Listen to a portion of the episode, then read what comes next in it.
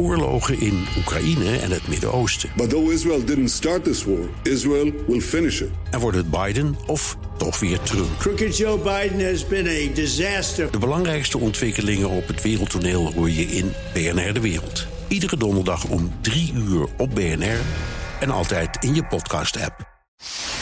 Hartelijk welkom bij De Technoloog. 269. Welkom Ben. Hallo Herbert. We gaan het eh, hebben over de aankoop van Activision door Microsoft. Ja. Um, Jij zit er breed te grijnzen. Ja, waarom? Omdat we al een week lang is dit een thema waarbij, ja, waarbij ik best wel geschokt over was en het gaaf vond. Nou, we hebben gelukkig... Weet je wel dat alleen jouw borst in beeld is? Uh... Oh, dat vind ik helemaal niet. Dat vinden mensen helemaal niet erg, joh. Hallo. Ja, dat is beter. Ja. Hartstikke goed. Nee, ja. Um, dus uh, daar gaan we het over hebben. Ja. Wie brengen we daarvoor mee? Uh, Joe van Buurik. Hi. Leuk, was niet zo heel lang geleden nog nee. hier als mede-host. Notabene, mocht ik even voor Ben invallen. Ja. En nu uh, in was deze, ik niet Ben, maar toch Ben. Ja. In een heel plotselinge rolverwisseling nu onze deskundige gast op het gebied van gaming. Het scheelt dat ik dat al heel lang doe. Dat klopt. En um, we gaan eventjes uh, twee minuten terug in de tijd. Want uh, jij was hier net aan het vertellen hoe jij hoorde van die overname van uh, Activision door Microsoft. Ja, Vertel nog even. Nou ja, onze Daniel zou ik maar zeggen, die was daarbij. Want ik zat Zit koffie te drinken ook, ja. met een oud studiegenote die ook in dit mooie bedrijf werkte. En opeens komt Daniel aangelopen en die zei... Joe, Activision Blizzard wordt overgenomen door Microsoft voor 70 miljard dollar. En ik zei, je lult, wat is het voor grap? Maar het is waar. Wat? en dus de grap is, ik was niet de enige. Elke expert, elke consultant, elke gamejournalist in de VS, ook echt de gasten die er bovenop zitten, was op deze manier overdonderd. Echt, mensen geloofden Waarom het gewoon niet. overdonderd? Omdat niemand dit zag aankomen, ondanks dat er verschillende moverende redenen zijn. Ja, maar waarom... Ja, nou ja, waarom ze het niet aankomen? Maar waarom Nou. zagen ze dat niet aankomen? Want Microsoft heeft games nodig. Ze hebben al Ja. een partij overgenomen. Klopt. Daar gaan we heel uitgebreid op in straks. Ik denk dat waarom mensen het vooral niet zagen aankomen... is omdat het ehm, imago van Activision Blizzard... de afgelopen zes maanden zulke snoeiharde tikken heeft gehad. Daar hebben wij Ben, het Ja. afgelopen zomer nog over gehad... in de middagshow bij BNR. Door slechte werkomstandigheden, seksuele... Seksuele Intimidatie, intimidatie. discriminatie. Gewoon een, een all-around giftige werkcultuur. Ja. Voor de goede orde, Activision Blizzard verantwoordelijk voor de populairste games ter wereld. Call of Duty. Duty op de spelcomputers vooral. Warcraft en alles wat daarmee samenhangt op PC. En hebben een aantal jaar geleden al King gekocht. Het bedrijf achter Candy Crush. Dus ook by far de meest populaire mobiele game in het Westen in ieder geval. Ehm, maar eh, vooral bij de divisies Activision, dus en de studio's die erbij ho- horen, die Call of Duty en dergelijke maken. ehm, en Blizzard, verantwoordelijk voor Warcraft en wat daarbij hoort, zit die cultuur van eh, discriminatie, intimidatie, misstanden daar al zo diep in geworteld. En de CEO, Bobby Kotick, wist daar ook gewoon van. Hield mensen de hand boven het hoofd die echt gruwelijk in de fout waren gegaan. We hebben nu in Nederland de mond vol over de voice. Maar daar gebeurt het al jaren bij dat gamebedrijf. En dan uitgerekend dat bedrijf wordt door, zo, door, door Microsoft voor zo'n mega bedrag gekocht. Dan wil ik straks heel graag weten ehm, of dat allemaal wel samengaat. Dat is een interessante vraag, denk ik, als je het hebt over een giftige werkcultuur. Maar eh, eerst wil ik nog even terug naar iets anders wat jij zei voordat de microfoons open gingen. Namelijk, het is vandaag 25 januari. En jij zegt, dit is nu al de eh, overname van het jaar en daar gaat niks meer overheen. Nou, in de gamesindustrie sowieso. Ook als je kijkt naar de bedragen die gemoeid zijn bij andere overnames. In ieder geval in tech en entertainment is dit een van de, zo niet by far, de grootste. Ehm, ik had nog even erbij gepakt. Als je kijkt bijvoorbeeld, Disney betaalde een aantal jaar geleden 4 miljard voor de Marvel-licentie. Eh, LinkedIn kostte uit mijn hoofd gezegd 12 miljard. Ja, voor. Microsoft dan ook. Ja, ja, ja. En zo had je nog een paar, maar 70 miljard.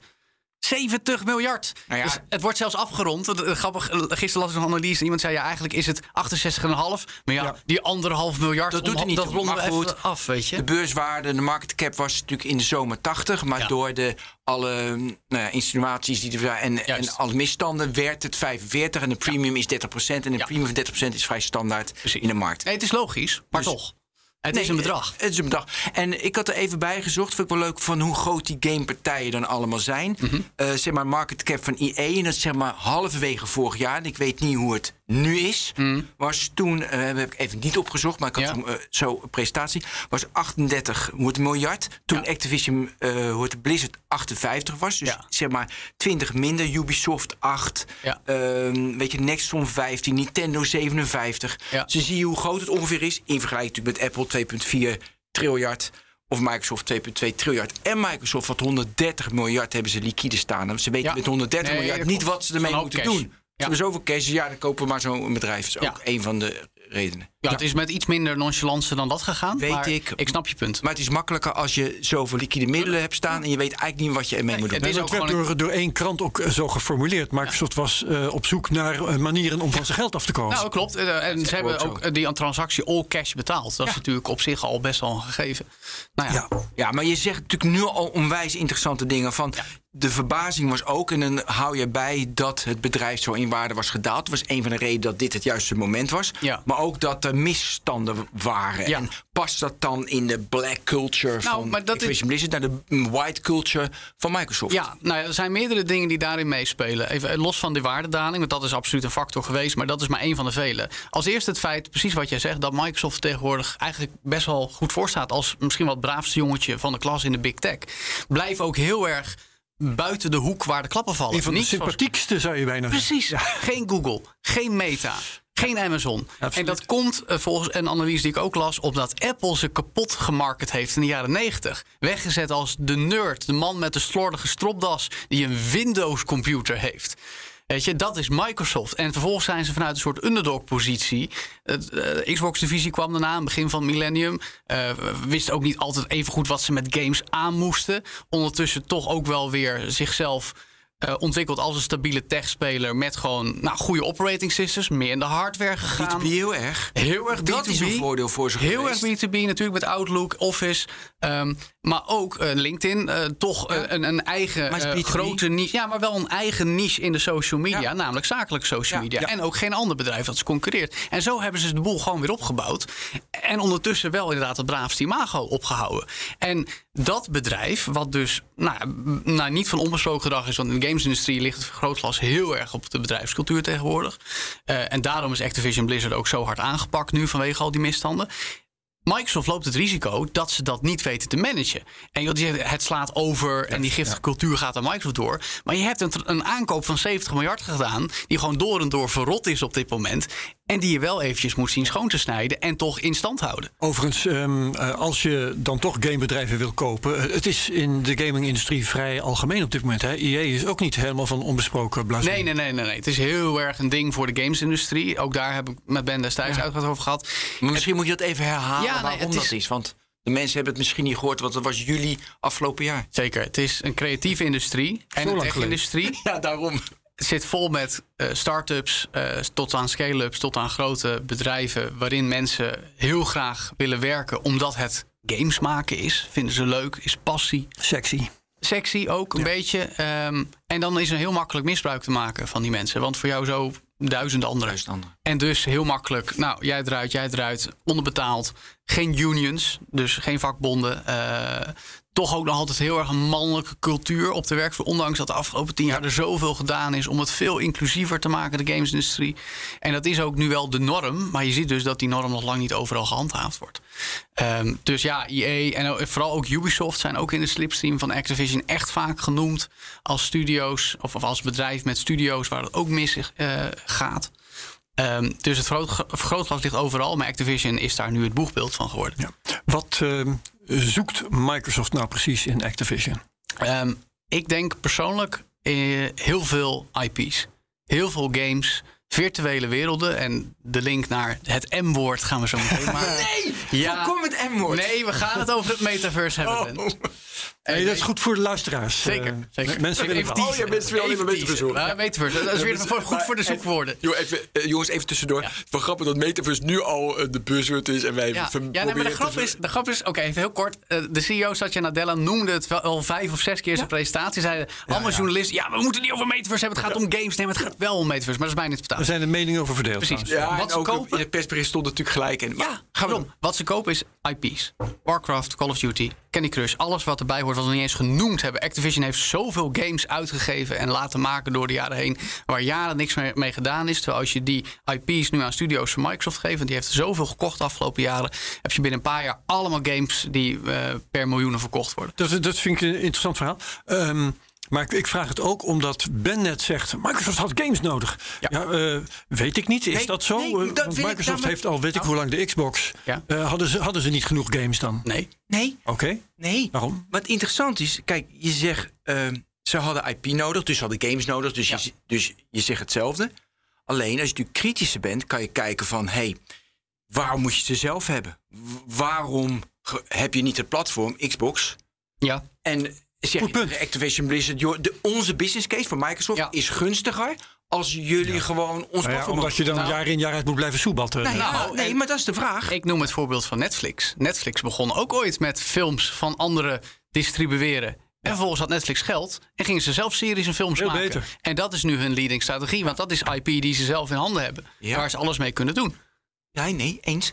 Maar dan is natuurlijk de vraag, dan, en, eh, dus kan jij dat? Dus weet je, wat voor type bedrijf is Microsoft? Wat Ja. voor type bedrijf, en daar hadden we het natuurlijk een beetje over Ja. met Activision Blizzard. Andere cultuur, hoe ga je dat inbedden? Ja. En kan je dan nog steeds de War of Warcraft zo, de nieuwe maar- versie maken, zodat het nog steeds goed is? Ja, en, maar dit is een valide vraag. Want vijf, zes jaar geleden was nog het gerucht dat Microsoft eigenlijk niet meer zo goed wist wat ze met die games moesten. Dat de Xbox One toen nog, die legde het veruit af tegen de PlayStation 4. Was met een eh, op zich innovatieve strategie aankondigd. Digital rights management. Je kocht een game, hij was altijd van jou. Je kon hem niet aan je vrienden verkopen. Enorme backlash vanuit de gaming community. Hebben ze dat toch maar teruggedraaid. Ehm, en daar zijn ze nooit helemaal van bijgekomen. En toen is op een gegeven moment, nadat hij al gelanceerd was... en het gewoon geen succes bleek, die Xbox One... dat was de derde generatie Xbox... zijn er zelfs geruchten geweest... oh ja, eh, Microsoft gaat die hele Xbox-divisie verkopen... aan bijvoorbeeld Amazon. Is niet gebeurd. Ze hebben het vastgehouden en ze hebben gezegd... oké, dik diep, we gaan hier iets van maken. Ehm, en dat ligt wel ten grondslag aan het feit dat ze nu zeggen: oké, we vinden games nu zo belangrijk. We zien daar zoveel toegevoegde waarde in. Om het cijfers te strooien, Satya Nadella zei dan ook: in 2030 voorzie ik 4,5 miljard gamers op aarde. Die willen we bedienen met deze games. Ja. Dat is het perspectief. Ja. En nog even over Netflix. Ja. Netflix maakt nu natuurlijk zelf films Ja, Maar- maar series. en series, maar dat doen ze natuurlijk ook in combinatie met een studio. Ja, De, de- maar dus, maar de IP's zijn van Netflix. precies. Dat is heel eieren. Ja, maar dus de cultuur van een film maken of een platform hebben is totaal anders. Ja. De cultuur van een platform hebben of een game maken is totaal anders. En daar zit dus nog iets wat lastig voor ze wordt. Ja, nou ja, kijk, eh, het gezegde ken jij bij uitstek, Ben Herbert ook al. Content is king. Het is tegenwoordig IP is king. En natuurlijk wil je dat die IP's in goede content worden eh, omgetoverd door goede studio's en goede makers.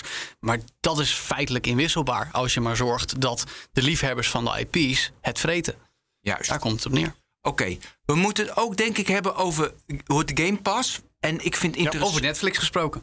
Precies. Ja. Eh, ik vind heel erg interessant. eh, gaat nu, want eh, hoe heet die gast die. eh, Phil Spencer, ja, Phil Spencer die had CEO van Microsoft Gaming. Precies, en die had aangekondigd dat eh hier staat Call of Duty, dat blijft op de PlayStation. Ja. En ja, dacht ik, ja, oké, logisch. Ja. Want het wordt gewoon verkocht, prima. Ja. Maar de interessantere vraag is: komt de Call of Duty, komt die ook in de abonnementservice van Sony? Ja, de, nou, van Microsoft.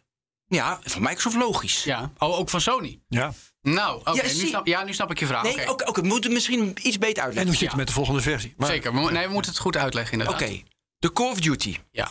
Het populairste schietspel ter wereld. Juist. Dus Activision Blizzard, die, die mag dan op, het, eh, op de Xbox-platform.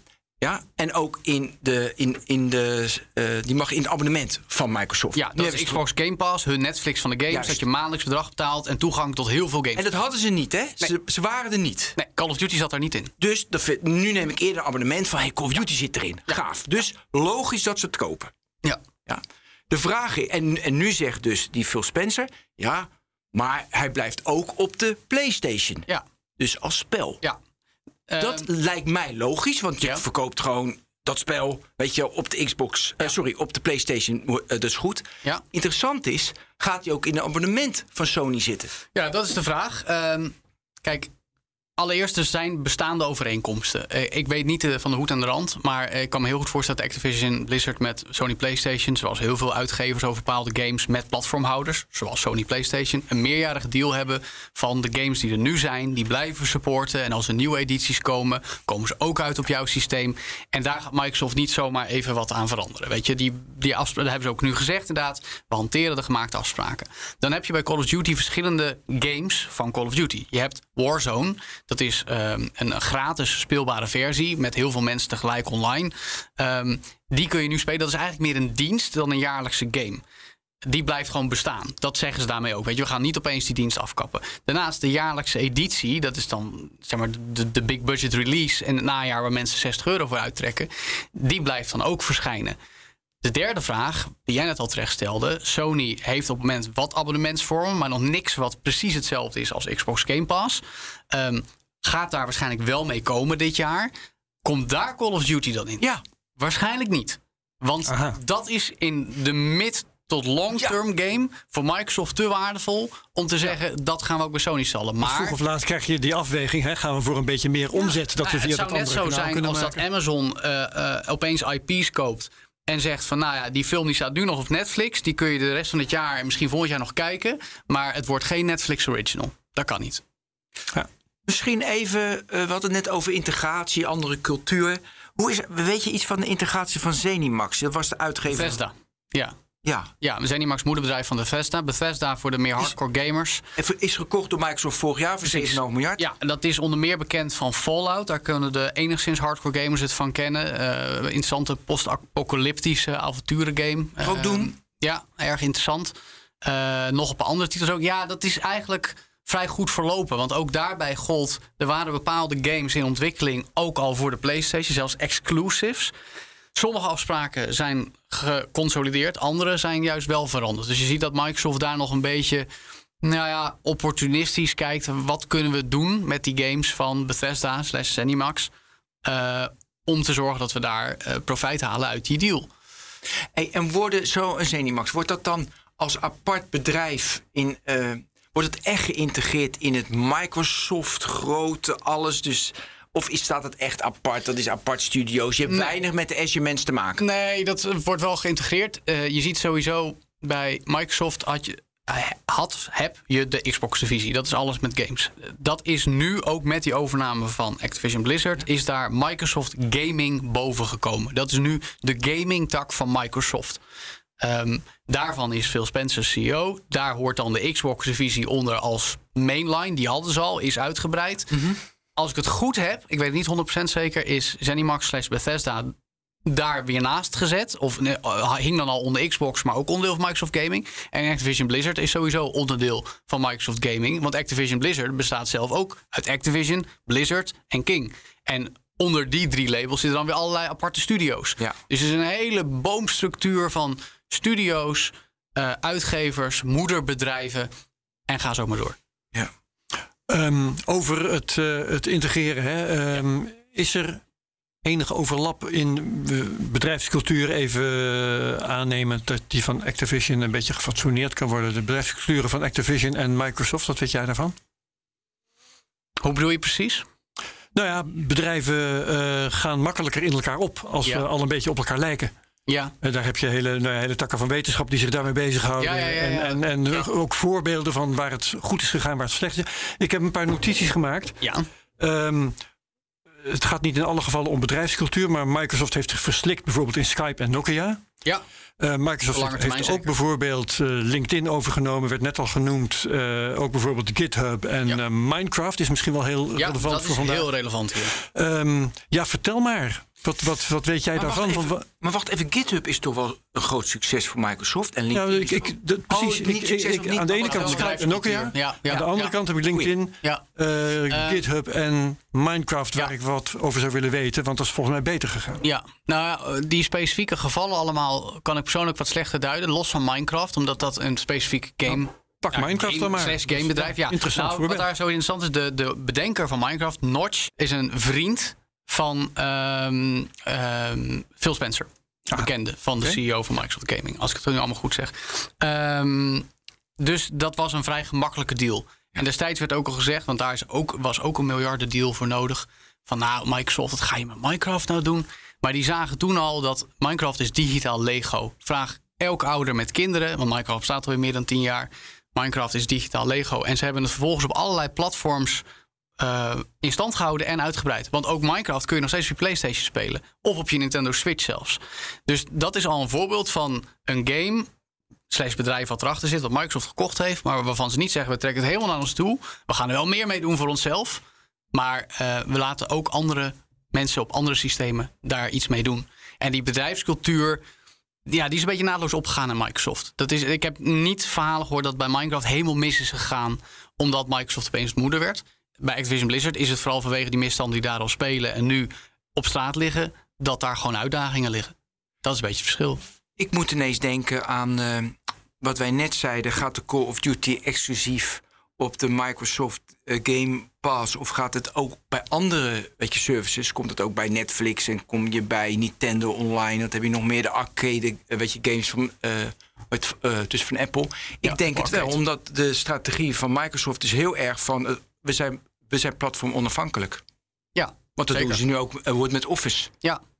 Zeker. Is, dit, het, is dit het moment om het over het M-woord te hebben? Of wachten we daar nog even mee? Waarom niet? voor, mij, voor mij, ik komt dat hier in to play. Oh, moet het nu al? Ja, ik vind het wel. Of, eh, we, zijn we er vanaf, joh. Ja, dat is waar. Daar zijn we nog. Oké, kom maar. Ja? Oké, het metaverse. Daar zijn we dan. Wat is eigenlijk het metaverse? Nee, daar, nee daar hebben we, ik vind het nog steeds leuk dat in de technoloog was de eerste keer dat we in Nederland en masse over de metaverse hoorden. Dus, en, en nu hebben we het allemaal over. Nee, kijk, zoals ik het zie, Um, heeft Microsoft een hele eigen, interessante en uh, voor mij heel goed te volgen kijken op Metaverse. Want Metaverse wordt nog heel erg gebruikt voor de Web3-community, voor blockchain-technologie. Uh, maar dat zijn vooral de toepassingen en natuurlijk Meta, die Mark Zuckerberg die begon met de term Metaverse ja. opwerpen en, en omarmen en zeggen: dit is waar wij op ons gaan richten. Maar toen kwam Satya Nadella afgelopen najaar al met zijn uh, presentatie voor Microsoft. Die zeiden: ja, wij hebben al metaverses, we hebben Halo. Schietgame is een metaverse. Minecraft is ook een metaverse. Er zijn nog een paar. Mijn favoriete racegame van nu, Forza Horizon 5. Nu zit je nu al op terrein waar je over van mening kan verschillen. Hè? Want Precies. is er één metaverse Precies. of zijn er honderdduizend world gardens? Metaverses. Metaverses. Nou ja, dat ja. vind ik En zelfs dat kun je een beetje in midden laten, want het is een beetje potato potato. Maar uiteindelijk komt het neer op het metaverse en de definitie die Microsoft daar in mijn ogen nu aan geeft, zijn de virtuele ruimten die er al zijn. Zij zien Call of Duty en dan niet specifiek eentje per se, maar gewoon de franchise als een onderdeel van het metaverse. World of Warcraft al helemaal. Dat is eigenlijk een metaverse waarvan alle letters, zoals Second Life het ook was. Uh, dat gold dus ook, geldt nog steeds heel erg voor Minecraft. Dat zien ze al heel erg als onderdeel van metaverse. Want het gaat om creëren. Dat gaat om met elkaar in een virtuele ruimte dingen doen. Ja, dat voor is... sommigen gaat het over uitwisselbaarheid, over Precies. interoperabiliteit. Ja, en wat kan er nu gebeuren, Herbert, nu Microsoft zoveel van die in hun ogen stukjes metaverse okay. onder één dak heeft? Ja, ja, ja, Interoperabiliteit bewerkstelligen. Maar dan binnen het Microsoft uh, deel van het metaverse. Domein, ja. precies. En dat doen ze nu eigenlijk al in hele beperkte mate met de gamertag, het profiel waarmee jij op Xbox diensten kunt spelen. Dus dat is je gebruikersnaam, je avatar, bla bla bla. Maar dan kun je steeds meer dingen aangeven tegenwoordig. Van dit vind ik leuke games, op deze manier wil ik graag spelen. Uh, dit is mijn favoriete outfit. Dat wordt alleen maar meer en meer. Vraag. Ja. Dus als ik nu een. Uh, want wat jij mij nu uh, vertelt, is dat hey, die metaverses is dus heel erg naar de consumer toe. Dus niet het ja. platform. Ja. Want je zou Call of Duty, een metaverse. Onderdeel van het metaverse, Onderdeel, hoe je het ook wil zien. Dat draait op Xbox, PlayStation. Ja. Kan ik nu, als ik, een, als ik mijn, mijn avatar heb in de Call of Duty... Ja. en ik heb die in, uh, op Xbox, uh, die heb ik op mijn Xbox... kan ik dat helemaal hetzelfde meenemen naar mijn PlayStation? Nou, kan ik niet. niet met 100% garantie zeggen... Maar er zijn wel meerdere nee, games... Nee, ik zie Daniel nee, nee, schudden. Er zijn, nee, volgens mij niet, nou. maar er zijn dus wel al games die dat wel toestaan. Want, dat, want dit is een kernnaam. Ja, het is, dit geldt al wel een aantal jaar tussen Xbox en PC. Maar dat zijn allebei platforms van Microsoft. Nee, uh, en ook op de mobiel. En Precies, want als, dus ik mijn, als ik mijn Office-account, mijn ja. Ben-account... Ja, dan kan ik op Android of op, ja. op de PC of ja. op mijn iOS. is allemaal hetzelfde. Klopt. En dat is eigenlijk ook een metaverse, want ja. mijn virtuele ja. ben op al die platformen. Ja, nee, kijk, het punt is, Microsoft is daar dus eigenlijk al mee bezig. Kijk, dat het niet op een Sony PlayStation is, is in mijn ogen logisch. Maar ze doen het al een aantal jaar en op hun Xbox spelcomputer en op de PC's En op je mobiel. Ja. En op je tablet als je wil. Eh, en elk device dat daar nog bij komt, de HoloLens, hun nieuwe augmented... of Ja. die hebben ze al een tijdje, maar er komt weer een nieuwe van natuurlijk. Eh, hun nieuwe augmented reality bril. Ze hebben al support voor dezelfde diensten en dezelfde virtuele werelden... op meerdere apparaten, ook die niet van hunzelf zijn. Jij kan nu op een iPhone Xbox games spelen. Ja, wat daar. Ja, nee, maar wat mij zo triggert, en dan Ja. zo had ik er dus nog niet over nagedacht. Kijk, je denkt aan metaverse, dan denk je, ik doe mijn Oculus Rift op. Weet je, Ja, Oculus maar dat, Quest dat, 2. dat is en- die benauwende definitie. Ja, precies. Maar jij zegt van... wat ik zeg. Ja, ja, ja. Dus- nou ja. De voorstelling van Mark Zuckerberg was: hè, metaverse is datgene wat je kunt doen met Ja. een Oculus Quest 2 op je kop. Maar dat is het interessante aan het metaverse. Dat vind ik nog altijd allerinteressantste aan het metaverse. Dat de verschillende hoeken van het internet de verschillende definities hebben. Dat Mark Zuckerberg en de virtual reality adepten hebben het over virtual reality brillen. Dat de Web3 Ja, het community heeft het over blockchains en NFT's. Maar de gaming-industrie, met Microsoft nu notabene voorop, zegt van ja maar jongens, we hebben het al. Het zijn de videogames en we gaan ze nu dichter bij elkaar brengen. Ja. En dat vind vind ik de me- meest interessante. Oh, juist. maar goed, want ik ben gamer. Sorry Herbert. Nee, ja, nee, ja, ja, nee, inderdaad. Maar goed, eh, jij, jij bent gamer, Ja. maar een ander is eh, kantoorwerker Ja. en denkt daar heel anders over. Ja, maar goed, dan heb je het weer. En dat doet Microsoft ook al. Die zeggen we gaan videobellen meer metaverse-achtig maken. Met virtuele ruimtes waar je vanuit je videocall naartoe kan. Met de avatar Ja, die je in je met videocall Teams hebt. ook, ja, ja, Dus, ja. Maar dat gaat veel meer in kleine stapjes. Want wat jij zegt, die kantoormedewerker... die zit eigenlijk helemaal niet op te wachten. Maar goed, videobellen is inmiddels ook gemeengoed. Vijf jaar geleden had je gezegd videobellen, kom nou.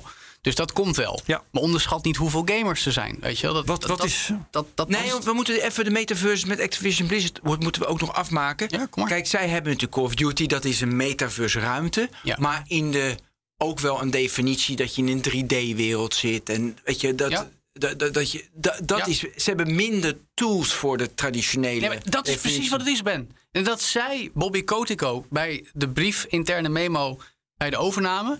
Mike, Activision Blizzard had het bijna nog nooit over het metaverse gehad. En in de memo naar het personeel... ja, nu jongens, we gaan meedoen aan het metaverse. Want Microsoft heeft ons overgenomen. Maar wij hebben die tools niet. Wij Terwijl Microsoft dat niet zegt dat ontwikkelen. zij het al hadden.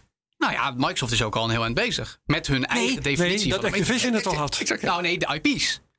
Activision heeft IP's die Microsoft erbij wil trekken... om Microsoft's definitie van het metaverse verder tot wasdom te brengen.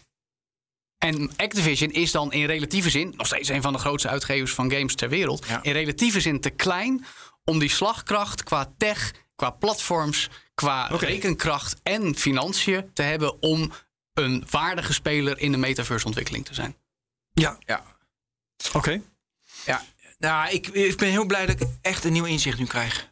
Alsjeblieft. Ja, nee, echt. En op een andere manier er naar kijken. Ja, mooi. Ja, Maar de grap is, je hebt het natuurlijk ook heel vaak gehad over de film Ready Player One. Want dat wordt steeds erbij gehaald Ja, als het dat gaat om metaverse. Ik keek die film en ik zag gewoon mijn favoriete games in één film. Ik zag niet opeens iets, maar dat is net hoe, met welke bril letterlijk Ja. figuurlijk je ernaar kijkt. Ja. En ik ben die van gamer, dus ik zag, oh leuk, ja, ik snap dit wel. Er zat ook letterlijk gamepersonage in, allerlei gameverwijzingen.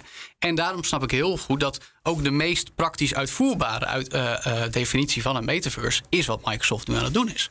Ik wil even op zoek naar het er verband tussen eh, metaverse, ga- metaverse gaming en blockchain, wat je Ja. nu al een paar keer genoemd hebt. Ehm, eh, uitgaande van gaming, eh wou ik hier beginnen. Ehm, geld in games eh, is al heel lang aanwezig hè, in allerlei vormen. Ja. Ook gewoon eigen game tokens en dergelijke. Wat voegt eh, blockchain technologie daar eigenlijk aan toe? Nou, ik denk dat het sowieso goed is om te vermelden dat van de echt grote populaire games, om het even zo oneerbiedig te formuleren, maakt er nog niks gebruik van blockchain. Het zijn allemaal Nee, eigen zeker. systemen. Dus Het is inderdaad, al, ja. Precies, het is inderdaad betaal eh, eh, een tientje eh, te goed. Ja. Of gewoon rechtstreeks afrekenen, Ja. microtransacties. Wat ontbreekt daaraan? Waarom is dat niet voldoende? Nou ja, volgens mij volstaat het in die zin dat we dat tien, we als gamers, tien jaar geleden vonden we dat al raar en ongemakkelijk. Want hey, jarenlang koop ik een game van ergens tussen de 20 en 60 euro, meestal 60 euro, inmiddels soms zelfs 80. En dan moet dat het toch zijn. Nu moet ik opeens extra gaan betalen voor online diensten. Nou, dat kwam vijf jaar daarvoor al. Xbox Live moest je extra voor betalen om online tegen je vrienden te gamen. PlayStation volgde. En dus de afgelopen tien jaar kwam erbij... oh, wil je dit, eh, deze auto of dit wapen? Paar euro. Wil je een extra hoofdstuk van dit verhaal? Tientje. Oh, oké. Nou, inmiddels vinden we dat ook normaal in de gamesindustrie. Ehm, wat blockchain daaraan zou kunnen toevoegen... even los van wat de Web3-community nu heel erg probeert... door blockchain-based games. Dus dat blockchain het uitgangspunt is en dat je daarop een game gaat maken. Waarvan ik nu waarneem dat het totaal nog niet aansluit. Behalve bij de mensen die heel enthousiast zijn over Web3-community. Maar, en daar zelf bij horen. Maar niet vanuit gamers dat ook Ja, dus interessant meer vinden. technology push dan eh, market pool. zeg maar. Precies. In plaats van. Het, het is dus meer blockchain ja, adepten die het leuk vinden dat er games op hun tech wordt gebouwd. Dan gamers die zeggen: hey, wat leuk. De blockchain wordt gebruikt voor games. Ik ga nu die game spelen. Want waarom zou een game studio dat doen? Want ik wil voor één he- hele, één hele mooie tweet. Ik heb hem hier van Greg Eisenberg. Die zegt Activision Blizzard sold for 70 billion. And the community is going to see zero dollar from this. Play to earn couldn't come sooner. Dus dat is een Web 3.0 persoon die zegt dat moeten we pushen. Nu ben ik, eh, ga ik gelijk even full disclosure, ongelooflijk allergisch voor play to earn. Want dat betekent dat games echt werk gaan worden. Dat je games niet meer voor je lol speelt, maar games om geld te verdienen. Daar ben ik principieel op tegen. Ik maar ben dat is een principieel voor. Je speelt alleen maar voor geld. Oké, gaan we het toch. Ik wou zeggen, dan gaan we het erover hebben, Ben. Nee, kom op. Het is entertainment. Het moet, als in leuk hoor, maar het, kost moet niet de norm prima. worden. Nee. Het moet niet de norm worden. Daar ben ik bang Ja, ja, ja, ja. Ik, ik, ik, ik snap je punt. Maar je kunt net zo goed zeggen, als je het toch leuk vindt om eh, te spelen en eh, je speelt op zo'n manier dat anderen daar geld aan overhouden, waarom zou je daar dan niet zelf een zekere eh, percentage van maar- ook incasseren? Dat ben ik helemaal met je eens. Het is goed dat het nu eh, in ontwikkeling is. Opkomst vind ik te groot woord. Maar dat het, dat het er komt. Dat de mensen die het heel graag willen, dat die dat kunnen gaan doen. Even, moet niet hoe- een norm dus hoe ziet worden. dat precies eruit? Nou ja, dat jij. De, de, de- zeg maar, de, de tekst van Call of blockchain. Duty, hè? Ja, nou bij Call of Duty zie ik het dus ook voorlopig niet. Nee, gebeuren. daarom. Echt niet. Maar er zijn game, blockchain-based games. Ehm, de, ja, de, de intricacies die, die ontgaan mij dan ook even. Want ik ben niet genoeg into blockchain. Dus dan kijk ik Herbert even aan. Want het komt erop neer dat een game gebouwd op de blockchain is. ehm, dat je daarbij gebruik maakt van crypto-transacties of items die gemint zijn op de blockchain als NFT's. En die met elkaar kan avatar en- Precies, en- je, en je, zwaard, je, helm, je wapen, je ja, auto. en die kun je met elkaar verhandelen. Ja, Ja, dat is maar ik moet anders. eerlijk zeggen, eh, kijk, eh, de- we, we vullen elkaar wat dat betreft precies aan. Of beter gezegd, eh, we zitten volkomen op verschillende sporen. Want ik ben geboren in crypto. en ik ben totaal onkundig van het meeste van wat, eh, van, eh, wat met gamen te maken heeft. Dus mij ontgaat het totaal als je in gaming geld zou willen verdienen, eh, waarom je daar crypto voor nodig hebt. Ja. Het, omdat er namelijk prima oplossingen zijn om dat zonder te doen. Ook bijvoorbeeld gamen en daar ge- geld mee verdienen. Ik ken in elk geval het voorbeeld van eh, nou ja, allerlei Chinezen die altijd bezig waren om eh eh, zwaar en dat in soort eh, dingen. World of Warcraft. Precies, ja, Daniel daar weet waar gewoon het over gaat. Die deed er ja, een bestaan aan overhouden. En dat ging op basis van dollars. Ging dat, Nee, dat klopt. Oh, inderdaad, even- even- dat ging 15 jaar geleden al. je zou Ja. gold farmen in de World of Warcraft. Hoe Ja. Daniel zit hier aan tafel, onze redacteur. Ja. Kom maar. Nee, Dus ik heb, eh, ik heb me schuldig gemaakt aan 10 jaar World of Warcraft. En soms speel ik het nog steeds. Maar dat was dus. eh, dat begon in 2004. En dat was dus een soort. Dat was een metaverse eigenlijk. Daar Van een had je- letteren. Inderdaad. Eh, daar had je geld, gold. En eh, door bepaalde acties te doen, ehm, eh, monsters te doden, werd je beloond. bloemetjes plukken, letterlijk in het spel. Dat, dat verdiende geld, want dat, dat is geld waard in het spel. Nou ja, en er waren dus Chinezen, voornamelijk Chinezen, Ja, in die die dat farms. dus in, in, eh, in, in, eh, ja, in, in halletjes. Ja. die dat uren en uren zaten te doen. Voor jou. Ja. Nou, en dat kon je dus ko- illegaal kon je dat ja, kopen. Precies. En dat is eigenlijk gewoon een schaduweconomie. Want jij Gebeurt het nog, trouwens? Ja, dat gebeurt nog. Leuk. Zeker. Ja, Maar, je, vind ik heel maar leuk. uiteindelijk kwam het op neer, je betaalde echt geld om in-game geld te Ja. krijgen, wat Ja. door andere mensen voor jou verdiend werd. Dat was wel illegaal. Het- Je zou misschien zelfs kunnen zeggen dat het een hele rudimentaire film van, eh, vorm van eh, eh, crypto mining af van de letter is, in zekere Ja, zin. wel. Het was in ieder geval, er werd op, op neergekeken. Hè, want Ja. je kon op die manier, als je maar genoeg geld had, dollars, als westerse gamer zal ik maar even gemakshalve zeggen.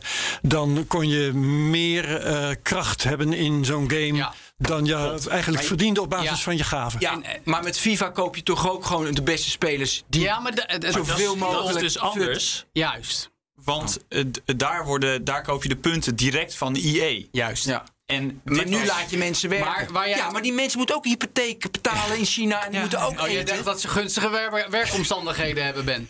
Natuurlijk niet. Nee, maar kijk, waar het om gaat is... en dat is wel een heel interessant deel met de economische bril op... dat het gaat om in-game economie en virtuele economie. En dat is het dus met World of Warcraft al geweest, met FIFA eigenlijk ook. Want je kan zeggen, het is pay to win. Weet je, je betaalt echt geld. En je krijgt eh, inderdaad in FIFA spelers die jou beter maken. Nu weet je het niet, want die spelers zijn willekeurig. Nou, dat is een discussie op zich. Daar is ook wetgeving voor in de maak. Maar er zijn dus. Dit is al heel lang gaande dat er eh, eh, virtuele economieën zijn waar mensen op een of andere manier meer virtueel rijkdom willen vergaren. Het zij monetair, het zij in, in, in, in voorwerpen of dingen die ze kunnen gebruiken om beter te spelen. Ehm, en de correlatie met ons echte geld. En dat, dat, ja, dat, dat, dat uit zich iedere keer weer op nieuwe manieren. En blockchain is daar het nieuwste voorbeeld van als het gaat om crypto's en NFT's. Ja, maar wij komen daar hier gezamenlijk dus niet helemaal uit wat dat eigenlijk toevoegt. Waarom je Nou. die, eh, die blockchain, die NFT's nodig zou hebben in games. Nou ja, vooral omdat het ervoor zorgt dat het is een, het is een, een uiting ervan. Ja, Ehm, Weet je, in plaats van dat je het verhandelt in een, eh, op een, op een OpenSea, eh doe je het in een game. Want hey, dit wapen is heel goed. Heb ik op de blok, ik heb het gebruikt. Het is ook nog eens beter geworden. Nu ga ik het verkopen aan jou Ja, een- voor zoveel Ethereum. bepaald eh, selling point is er nog van te maken dat een, een bepaald object eerder van die en die is geweest. Hè? Ja. Dat heb ik tenminste Nou, en begrepen. feit dat NFT's natuurlijk vooral op dit moment hun waarde vinden in collecties. En ook binnen games gaat het om voorwerpen die onderdeel zijn van collecties. Weet je, er zijn maar zoveel wapens in dit spel. Ik heb er één van. Wil jij hem ook? Mag je van me kopen? Ja, en toen kondigde, ik geloof Ubisoft aan dat ze dit wilden gaan doen. En toen kregen ze wind van voren van hun klanten. Ja, de opbrengst was niet je van het. En de eh, imagoschade was nog veel groter. Zodat ze Eh, er eindelijk mee ophielden. Nou ja, maar goed, dat is dus een symptoom van een geres nou, tussen aanhalingstekens gerespecteerde, maar in ieder geval grote game-uitgever. Die zeggen: Oké, wij gaan ook iets doen met blockchain-based games. Of in ieder geval blockchain-technologie in een bestaande game huis. Dat is het enige echt bekende voorbeeld. En dat gaat eigenlijk finaal mis. Want de gamers zitten er niet op te wachten. Ja, op dit ehm, moment. Wat mij wel verbaasde was dat het argument, als ik het goed heb begrepen hoor, correct me if I'm wrong, Ja. ehm, dat de gamers zeiden, eh, ja zeg, ehm, eh, deze, deze, deze mate van winstbejag staat ons niet aan. Ja. Alsof het nieuws was voor hun dat die gamebedrijven gewone kapitalistische ondernemingen waren die eh, leefden van winstmaximalisatie. Ja, dat vind ik ook niet het sterkste argument om er tegen te zijn, eerlijk gezegd. Ik, ik, ik, mijn argument is vooral dat ik niet wil dat. eh, Voor, voor, weet je, games zijn al heel erg economisch gedreven, wat we net hebben vastgesteld. Gewoon Ja. door extra betalingen te vragen voor meer in je games. Meer speelplezier, meer content. Nou ja, dat, dat, dat is ook met, met, met Maar iedere wat vind keer... jij dan een beter, beter argument Nou ja, tegen dat, dat, in dat, games? dat games niet zo hoofdzakelijk moeten draaien om vermogen behalen. Als in Oké, je zei het is entertainment. Het is, en voor mij blijven. is het entertainment. Maar dat, dat is voor iedereen anders. En gelukkig zijn er ook een hoop gamemakers die dat ook zo zien. Er zijn ook gamemakers van naam die wel blockchain helemaal zien zitten. Ja. Jij Molyneux het, is, is best wel een naam in de games. Die zegt, oh, ik ga dat ook doen. Een man met hele controversiële projecten. waarschijnlijk vind jij het ook heel erg als gamer om op een gegeven moment te moeten eh, gamen tegen of met iemand die het doet als werk. Nou, nee. Nee? Nee, Oh. dat, dat zie je er voor zich. Er zijn ook e-sporters. Voor hun is het ook werk. Mhm, Nee, oké. Ik ben lang niet zo goed als de meeste e-sports, afhankelijk van welke game het is. Maar eh, nee, nergens. Maar eh, dus nee, de- ik bedoel, daar ben ik wel voor. Maar het moet niet, wat ik net, net zei, Herbert, het moet niet de norm worden. We moeten niet gaan zeggen, we spelen. En misschien dat het dat over 50 jaar wel is. Want dan hebben we overal virtuele economie. En dan is het metaverse er. En dan zitten we allemaal in virtuele ruimte het grootste deel van de tijd. Nou, misschien is dat zo'n wel zo. mooiere samenleving. Dat is natuurlijk Precies. En dan, en dan, dan, dan, maar dat is hypothetisch. Weet je, we zien bij Juist. NFT's ook al zoveel dingen misgaan. Nou hebben we het hierover, omdat dus gezegd werd... Microsoft wil Activision hebben eh, vanwege het metaverse. Vanwege de IP's voor in het metaverse. Ja, inderdaad. Ehm, niet iedereen vindt dat, want ik vond bijvoorbeeld een heel betoog in de New York Times... eh, Ja. waarin stond, eh, hallo, dat is voor later, dat is toekomstmuziek, eh, speculatie, if you will. Ja. Ehm, Microsoft heeft eh, zijn handen vol aan het gamingkapitaal, het pure gamingkapitaal van Activision. Ja. Je Ehm, bedoelt het, het op een verantwoorde, goede manier gebruiken van alle IP's, studio's eh, en talenten. Zo die kun je het formuleren. Je kunt ook zeggen dat vertegenwoordigt genoeg waarde om de prijs te rechtvaardigen voor Microsoft op dit moment. Oh, dat zeker. Maar de metaverse is alleen maar het langetermijnperspectief. Exact. Dat, dat is niet waarom ze het nu doen. Dat is omdat, omdat ze Ja, weten dat over vijf tot tien Daar jaar... heeft New York. Times dus gelijk. En dat Precies. Plus het feit dat iemand ook al berekend dat puur met de jaaromzet die de, de heavy hitters van Activision Blizzard bij elkaar... Dat In ze volgens mij- 2020 8 miljard was de omzet en een winst van 2,2 miljard. Ja, precies. Dus als je dat een paar jaar volhoudt en, en je, je, je pusht het nog een beetje... dan heb je het zo terugverdiend, bij wijze van spreken. Bij wijze van spreken. Ook de, van de waardecreatie Ja, die je totaal, weet je, je market gaat omhoog of niet. Ja.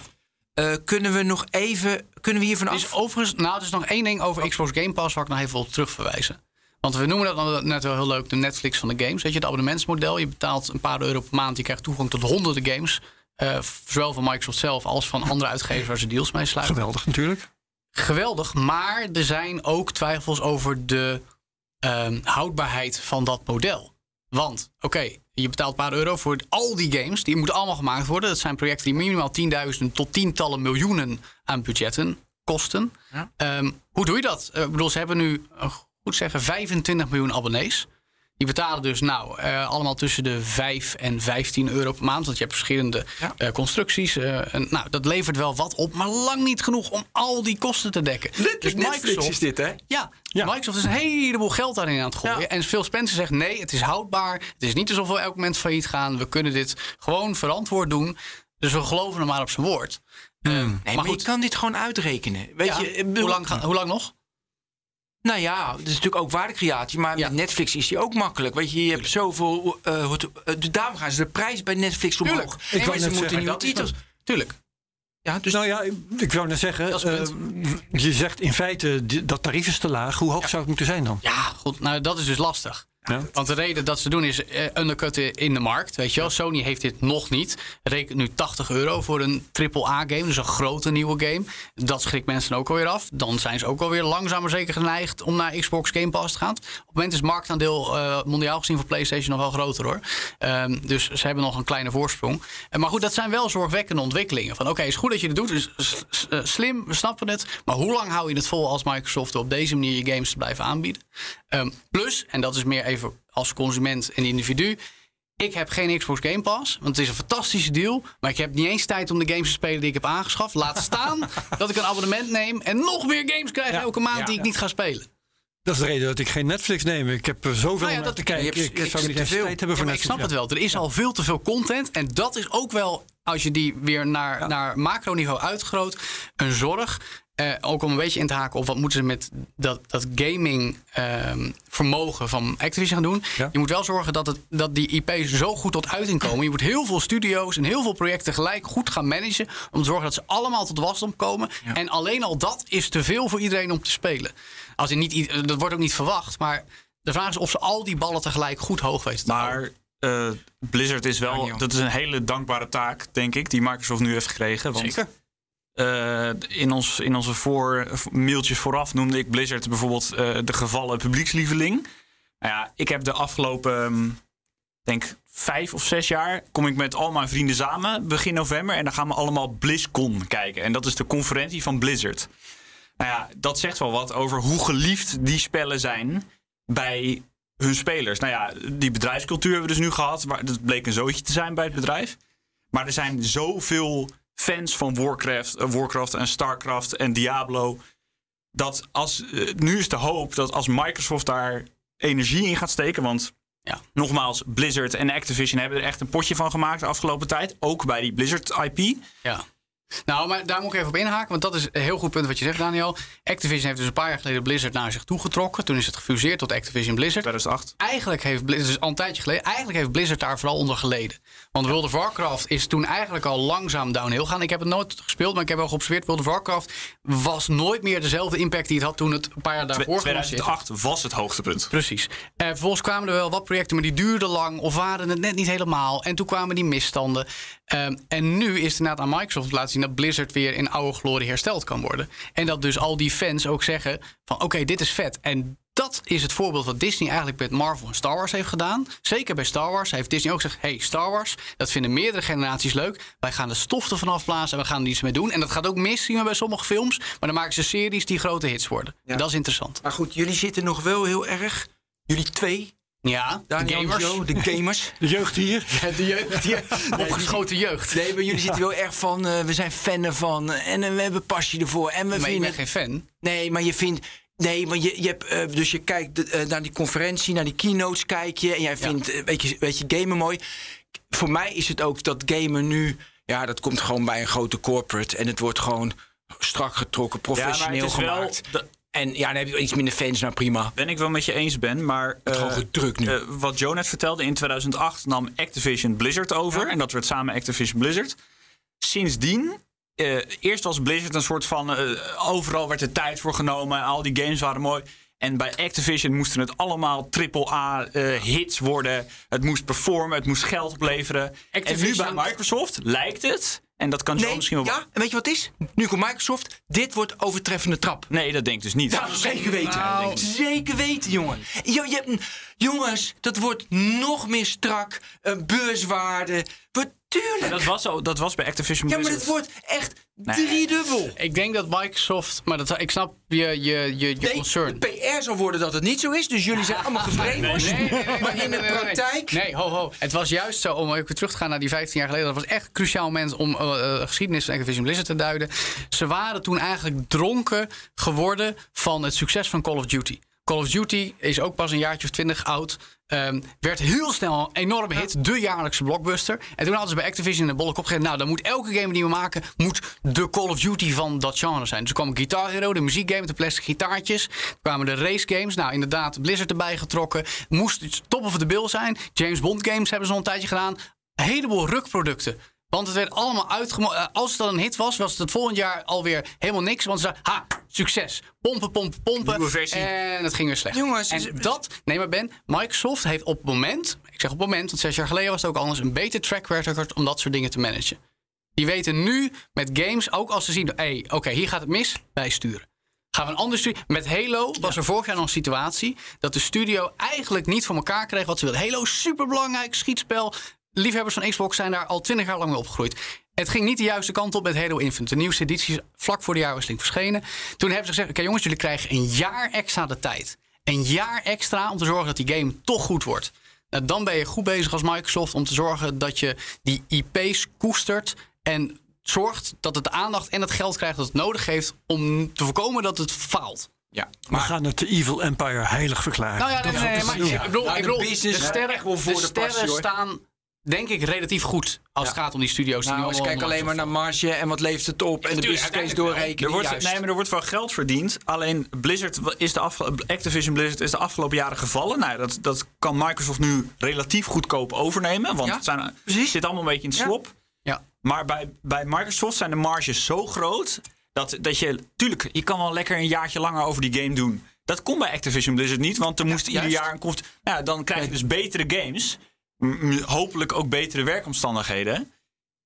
Nou ja. Ja, iedereen blij toch? Oké, iedereen blij. Ik heb nog heel veel dingen, dus Ja, laten we dit even nog eventjes. Ja, oké. Ja, gelukkig. Oké. kwartier. ehm, ja.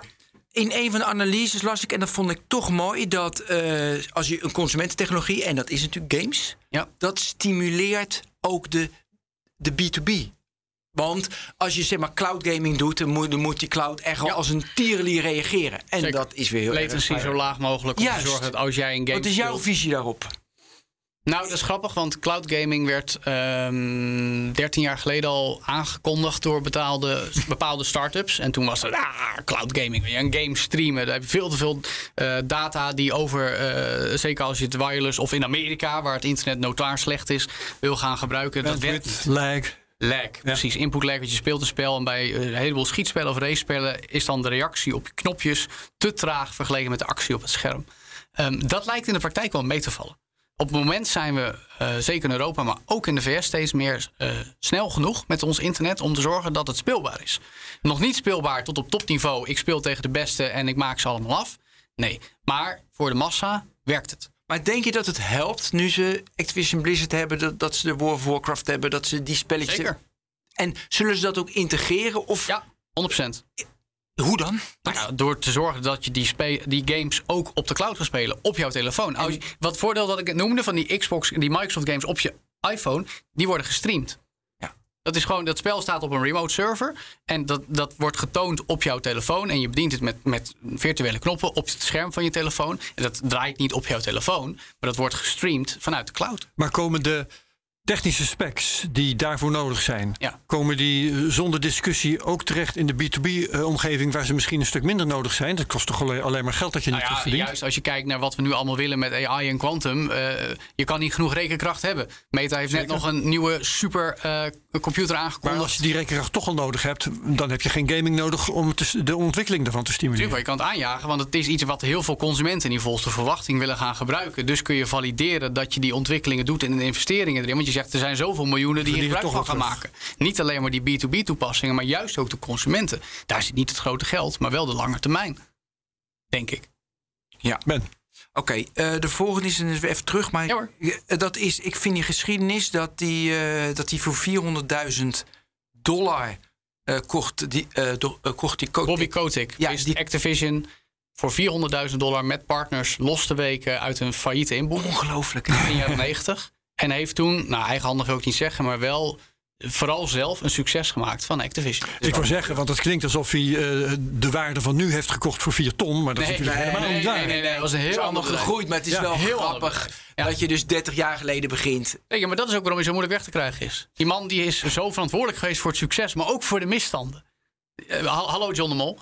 Ja. Eh, ze zeggen ook dat het nu, eh, dat, weet je, hij krijgt 300, van trouwens weinig, 345 miljoen uit. Nee, dat is, dat is als je kijkt naar zijn shares en dan cash je naar de nu geldende prijs. Dan kom je op dat bedrag. Toch weinig, heeft hij nog helemaal geen shares Nou ja, wat is een half procent of zo. Half procent maar, Ja, dat vond ik en dat, super dat, is dan, dat is dan zijn gouden parachute. En het is ook een manier om hem weg te krijgen, Ja, toch? eh, Dit? er is eigenlijk al nu, als in officieel is gezegd, hij blijft. Want de deal wordt dan ook pas afgerond in het nieuwe fiscale jaar. Dus ergens tussen deze zomer en volgend jaar zomer. Eh, maar daarna is hij gelijk weg. Ja, en met een penalty als het niet doorgaat tussen 2 en 3 miljard. Als de deal niet doorgaat, is het inderdaad forse prijs Microsoft. Maar dat kunnen ze incasseren als je net hebt gezegd hoeveel cash ze hebben. Ja, dat is eh, Dat, dat, dat, daar een zouden ze fractie van wat ze per maand binnenharken. Maar dat is inderdaad wel een, een ding op zich. Maar dat is wat lastig om daar echt op in te gaan. Dat is een kwestie van mededinging. Want hey, Microsoft... Daar moeten we het ook nog over hebben. Ja, ja, nee, maar dat, dit is het moment, vind Ja, ik. dit is het moment. Ik Want denk ook. Microsoft koopt eh, de grootste gameuitgever. Nou, eh, eh, is dat monopolievorming? Kun je over discussiëren. En dan kom je weer een beetje op wat we aan het begin zeiden. Dat Microsoft de braafste jongetje in de klas is. Op het moment eigenlijk geen slecht track record heeft bij de Amerikaanse eh eh, mededingingswaakhond. En dus best makkelijk kan zeggen van ja, maar wij laten die games gewoon ook op PlayStation draaien. En je kan het hier spelen. Ja, met onze dienst, maar iedereen kan erbij. En er zijn nog EA, er zijn nog Ubisoft. Nintendo doet zijn eigen dingen. Er zijn genoeg spelers. Ja, ik heb nog even, ik ga er zo op door, maar even cijfers, want ik vind cijfers altijd leuk. Eh, ze hebben 8% met die 8 miljard omzet. In 2020 hebben ze 6% van de wereldwijde gaminginkomsten exclusief hardware. Mhm. Ehm, Met Xbox alleen al. he- heeft dus Activision. Heeft Activision, oh, pardon. ja, Ja. 8 miljard, 6%. Ehm 11% als je het beperkt tot de consoles of PC's. Je hebt Zoals- zo'n marktaandeel nu. Marktaandeel 6% als je alles neemt, Activision Blizzard. Ja. Als je alleen de consoles en de PC's doet, hebben ze 11%. Ja. Dan nemen ze Game Pass erbij en dat bij elkaar. Dan zouden ze, weet je, 11% hebben met die merger. Ja. En met consoles en PC's erbij 25. Ja. Nou, dan zeg je, het valt allemaal Ja, ja, eh, dus wel ja, ja. mee. En Ja, jij zegt, we het blijven op Maar de het andere. gaat er niet zozeer om hoe groot zo'n partij Het gaat erom hoeveel partijen er zijn, volgens mij. Of niet dan? Het hangt van de definitie Ja. van de mededingingsautoriteit af. Maar kijk, als ik deze cijfers en wat jij Ja. net zegt, zeg ik van, nou ja, weet je wel, de mededingingsautoriteiten zullen zeggen, het is oké. Nou, dat zullen niet zomaar zeggen. Nee, het is maar da- da- dan- maar ik verwacht dat ze erdoor Dan verwachten wij dat het oké is. Kijk ik vervolgens, en dat, weet je, ik, als je die hele waardeketen van de. Ik heb je ook gestuurd van die, Ja, ja. ga- van die game-industrie. In het begin met game publishers en dan virtual world consoles, Ja. AR-devices, cloud, app store, subscription services, gaming as video. Weet je, die, die hele keten dan heb je alle grote bedrijven wat ze doen. Als ik daar Microsoft in neem, die, die zit hele, de, de hele vertical beheersen ze. Ja, nee, maar Microsoft zwelt enorm op als speler in, in het landschap. Absoluut. Ze hebben misschien nog geen marktaandeel. Nee, nee, nee, en ze kunnen zeggen, de games zullen we ook op andere platformen Ja, zullen ik sluit, niet, ik sluit niet uit Maar jongens. dat de deal toch wordt tegengehouden. Ja. Maar ik denk dat ze hem er doorheen krijgen. En dat is vooral omdat het heel erg om content gaat. En niet zozeer om ehm, vitale technologie. Weet je, het feit dat Meta, of destijds Facebook, Instagram en WhatsApp kocht... dat is wel degelijk monopolie creëren. Maar het feit dat Microsoft staat zegt, tegen- Dit is exact hetzelfde. Maar er staat tegenover Nou, dat, de anti dat antitrustautoriteiten op dit moment eh, toch een houding lijken te hebben van better safe than sorry. Nee, We hebben dat klopt. BNR Digitaal Dat klopt. ook eh, Ja. de overname van Jiffy door Facebook besproken. En Zeker. Dat Ja, is ja, ja. een onbetekenend verhaal. Nee, dat Maar het is klopt. Dat klopt. Nee, dat- nou, dat is door de Britsen vooral gedaan, hè? Maar dat was Brits. Achteraf, Oh, ja. achteraf inderdaad. Ja, ja, die deal was achteraf. al. Ach, dat is, Dus, ja, en, dat, ja, ja. en dan, ja, in Engeland hebben ze natuurlijk lopen sowieso grandioos achter de feiten aan. Ehm, nee, maar nogmaals, ik sluit Jongens, het niet uit. ik zou even ik zou Facebook en WhatsApp vertellen. Ja. Kijk, Facebook, die, dat, dat is een social media platform. Die kopen WhatsApp. Die zeggen, ja, dat is één, dat is één op één communicatie met elkaar. Ja. Dat staat los van Facebook. Ja. mensen die een beetje doordachten, ja, dat gaan ze integreren. Ja, En- ja, natuurlijk. Ja. Dus, maar het staat eigenlijk los. Ja. Als je heel, heel plat kijkt, dan zeg je: wat is Microsoft? Ja, die hebben Office en die hebben Azure. Weet je, dat, oh ja, en ze hebben een operating system. En, ja, en dat is het. En gaming, ja, dat is een bijproduct. Ze hebben maar, maar dat is een bijproduct. ja, ik snap Maar als je de integratie met cloud, als je de Ja. integratie doet naar, eh, eh, ja, dus naar meta in de ja, toekomst, ja. Nou, dan wordt het dus, als je naar de vertical kijkt, een hele gevaarlijke speler. Ja, nou ja, nee. Want tegelijkertijd, ehm, de FTC maakt zich op het moment vooral druk over, eh, over Meta, onder meer. Ehm, en Meta zelf zou ook ehm, zelf heeft een belang bij dat Microsoft gezien wordt als kijk, Microsoft neemt dit nu ook serieus. Meta is niet de enige die het metaverse en alles wat ze willen doen, en ook die slides die hij noemt, eh, eh, probeert eh, een, een, een, een, een chunk te pakken. Maar Microsoft doet het nu ook. Zie, er zijn meer spelers. Dus op een hele gekke manier hebben zowel Meta als Microsoft er een belang bij. Dat FTC zegt, oké, we zien wat jullie doen. We houden het in de gaten. Ja, maar klopt. het past.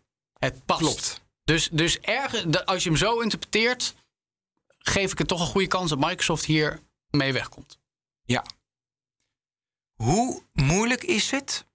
Want we hadden het in het begin even over van andere gamepartijen, overnames die er gaan komen. Ja. En, en weet je, welke kunnen wel overgenomen worden en niet. Als ik daar nog even naar kijk, dan zou IE wordt denk ik snel overgenomen. Ja, zit er dik in. Want die zijn ook verzwakt. Die hebben ook eh, games, grote namen, Need for Speed, Battlefield... die niet leveren wat ze moeten leveren. Dus waardevolle IP's die niet worden omgezet in succesvolle edities... die zowel kritisch als commercieel succesvol zijn. Nou, dan ben je eigenlijk rijp voor een overname. Eh, dus dat zie ik wel gebeuren. Ubisoft misschien ook, maar die zijn nog wel wat sterker. Ehm, en, dat zag je een tijdje geleden, Take-Two, moederbedrijf achter Rockstar van Grand Theft Auto... nam Zynga over als mobiele gigant. Gebeurde ook al. Dus, eh, en mobile, laten we daar niet omheen draaien, is nog steeds qua inkomsten van de 170 miljard die er vorig jaar wereldwijd omgingen in de gamesindustrie het grootste deel. Dus wie, wie zijn de partijen die rijp zijn om nog overnames te doen? Denken we dan aan Facebook, eh, Google, nou, je Amazon? ziet ehm, een vrij onbekende naam die heel erg bezig is, is Embracer Group. Eh, die pakt allerlei mm, kleine en middelgrote studio's en uitgevers bij elkaar, gooit het op een grote hoop. Ja, maar die willen dan uiteindelijk worden verkocht aan Apple of Amazon. Ja, misschien wel.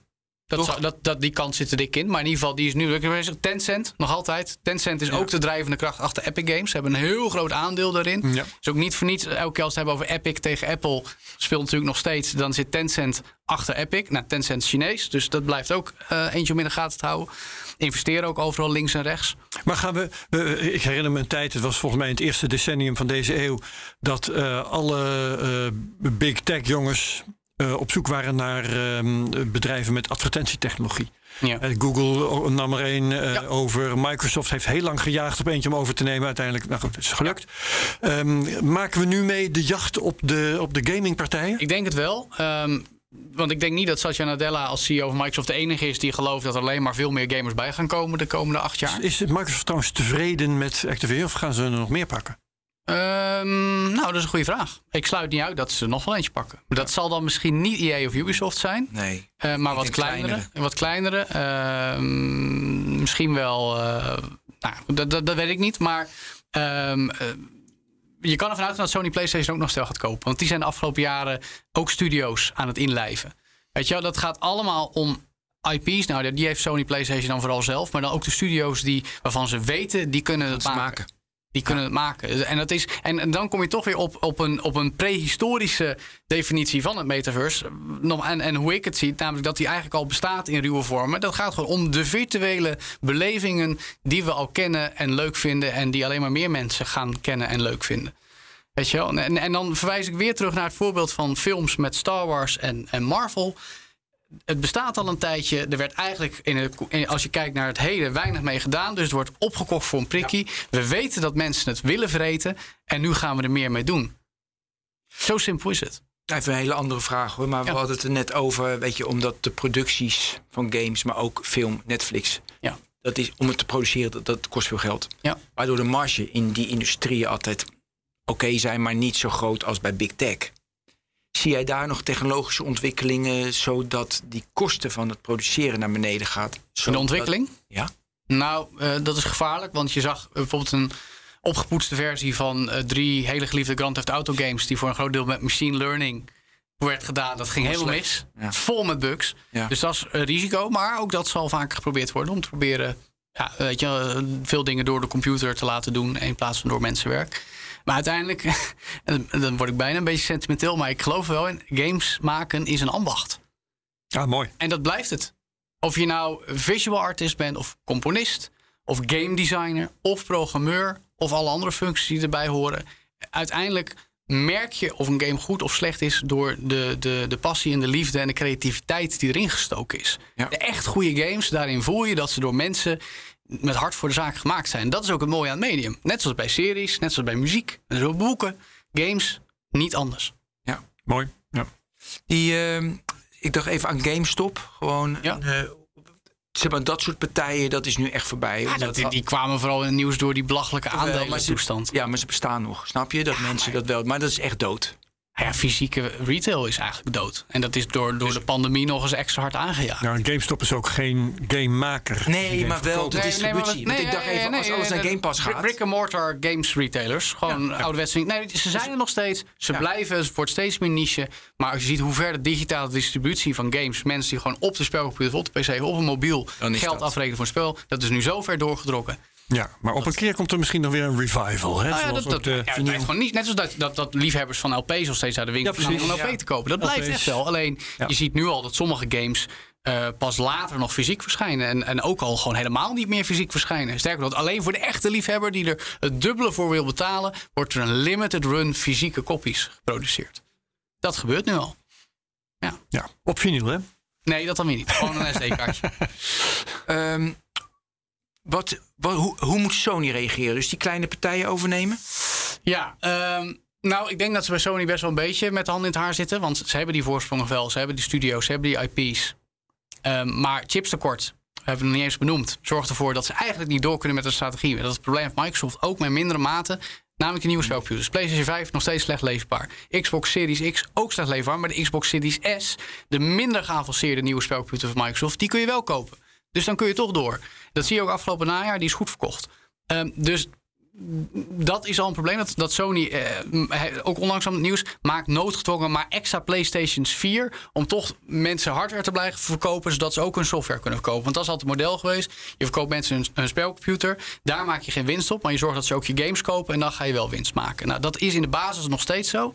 Maar Sony zal ook naar zo'n abonnementsstructuur toe moeten. Dat hebben ze, PlayStation Plus. Maar dat is eigenlijk betalen om online te spelen. En je krijgt er een paar games bij elke maand. Een PlayStation, En PlayStation Now. dat is een cloud streamingdienst, maar dat is eigenlijk vooral met oudere games. En er gaan al heel lang geruchten. En ik denk dat dat dit jaar wel werkelijkheid gaat worden. Om dat helemaal om te toveren tot iets wat tegenover Game Pass kan staan. Als Sony PlayStation's Netflix-achtige dienst om games te spelen. Voor maandelijks bedrag. Want Nintendo heeft het nu eigenlijk ook al. Dat is ook vooral betalen om online te spelen. Maar je krijgt er allemaal oude games bij. En mensen doen dat. Herbert, Ja. Jij bent tevreden? ik ben wel tevreden. Ik ben ook tevreden en ons uur is vol. En uh, John moet ook andere dingen gaan doen. Heel tevreden. Daniel Nou. is uitermate tevreden. Misschien even, want ik stuurde jou gisteren een vraag. Ja. Bijvoorbeeld, je bent een professionele snowboarder en je moet heel snel reageren. Sayonara Wild Hearts. En toen zei jij Sayonara World Hearts. Dus ik op mijn mobiel ging die app downloaden. Maar dan moest ik, de, de, de, moest ik een abonnement nemen op, op de arcade van Apple. Ja, voor Apple wel, ja. Ja, nou ja, ik haakte dus af. Dus dit hele, ik zat heen, ging je dat doen. Dus dacht ik, ja, dat ga ik helemaal niet doen. Weet je, dus dan zie je kan. alweer in Nee, dat een proefabonnement van één maand. Ja, dat Kost heel vaak, maar dat heb ik ook een keer gedaan. Ja, jammer. Maar dus dan zie je dus, weet je, als je het bundelt, Ja. dan haak je af. Maar ik moet het ook doorgeven aan een professionele Ja. snowboarder. Of gewoon op een ander systeem. Dan kun je voor een paar euro loskopen. Precies. Bundelen en ontbundelen. Ben. Dan moet je even die weer, ja. Bundelen dan bundelen. Een oude technoloog, Google maar. Want, uh, Ja, dat was denk drie of vier, maar zo gaaf. Ja. Maar dan heb ik nog één vraag voor Herbert. Wat dan? Want gaat Microsoft jou dan ook aan het gamen krijgen als ze zoveel geweld inzetten? Nou, ik ben, Ondanks dat ik- die IP's jou natuurlijk niet zoveel zeggen. Nee, eh, ik ben geen enthousiast gamer en ik ben ook geen enthousiast gebruiker van Microsoft producten. Dus ik denk niet dat het voor mij erg veel verschil maakt. Nee, dat is een goed punt. Zelfs geen Minecraft. Wie weet kom ik. Nee, wie weet heb je kom het ik. wel eens geprobeerd? Ja, ik heb dat wel eens geprobeerd. Maar niet heel, niet heel ehm, hardnekkig of zo. Ik, ben, ik, ik denk dat Daniel het met me eens is. Als er één game is die Herbert zou kunnen match. liggen, Minecraft. Ik, eh, ik, ik vermoed Ja, dat ik met Herbert pensioen moet om echt serieus aan de games Je hebt toch kleinkinderen, Herbert? Ja, Wat gaat er mis? Wat gaat er mis? Ja, ik heb geen tijd. Ik heb veel te veel liefhebberijen. Ik En, ga je eh, huiswerk meegeven voor de volgende BNR Digitaal. dat vind ik een uitstekend idee. maar in de, ik, heb, ik heb mijn kleinkinderen al aan de nodige games geholpen. Ja, oké. Ehm, alleen zij spelen ze en ik niet. Heel goed. Ja, dit zeg ik allemaal niet in het belang van Microsoft overigens hoor. Pure persoonlijke Nee, interesse. nee, nee, nee. En ik ben, eh, ik ben altijd bekeerbaar, maar Ja? je moet wel van redelijk goede huizen komen. Want eh, ik, ik, ik hik aan tegen het tijdsbeslag dat eh, games opleveren. En mijn tijd Ja. is redelijk Ja, dat schaars. probleem heb ik ook als jonge vader. Dus ik, ik vind het ontzettend leuk om het te volgen en over te praten zoals hier. Maar spelen komt voor mij ook veel te weinig van. terecht. Ja, nou misschien als je met pensioen bent, Joe. Nog maar eh 80 jaar. Oké. Ja, Oké. Nee, Nee, je mag nog best wat zeggen hoor. Ja, maar, maar omdat ik, ik refereerde net naar een onderzoek, weet Ja. je, met die waardeketens. En in het onderzoek staat bijvoorbeeld ook dat de consumer in Amerika eh, totaal aan, eh, weet je, video v- vijf en een half uur, audio bijna drie uur, gaming bijna twee uur. Per dag, En, per gemiddeld, dag. En als je dat allemaal optelt, Meer dan 24 uur. zit je op veel meer dan 24 uur. Dat is altijd mooi. Dankjewel Ben. 32 uur totaal spenderen mensen totaal en ze hebben maar 24 uur. Dus dat klopt niet. Eh, alsjeblieft, Herbert, jij ook bedankt. En dankjewel Joe van Buurik. Maak van de tech-update bij BNR, redacteur van BNR Digitaal. en binnenkort de BNR Game Podcast. Maar- Gaat die toch door? Ja, maar dat, stay tuned. Gaaf. Mogen we wel zeggen hoe die heet man. of niet? Nog niet. Oké, dan zeggen we dat niet. Ja, een gaming podcast coming up. Eh, stay tuned Mooi. inderdaad. Dankjewel Joe van Buurik. Jo. Dit was de technoloog nummer. Hoe was het? ook weer? 269. 269. Ja, 69. Oké, Oké. iedereen heel graag tot de technoloog van de volgende week. Dan hebben we 270. Jawel. Hoi, Tot dan. Dag.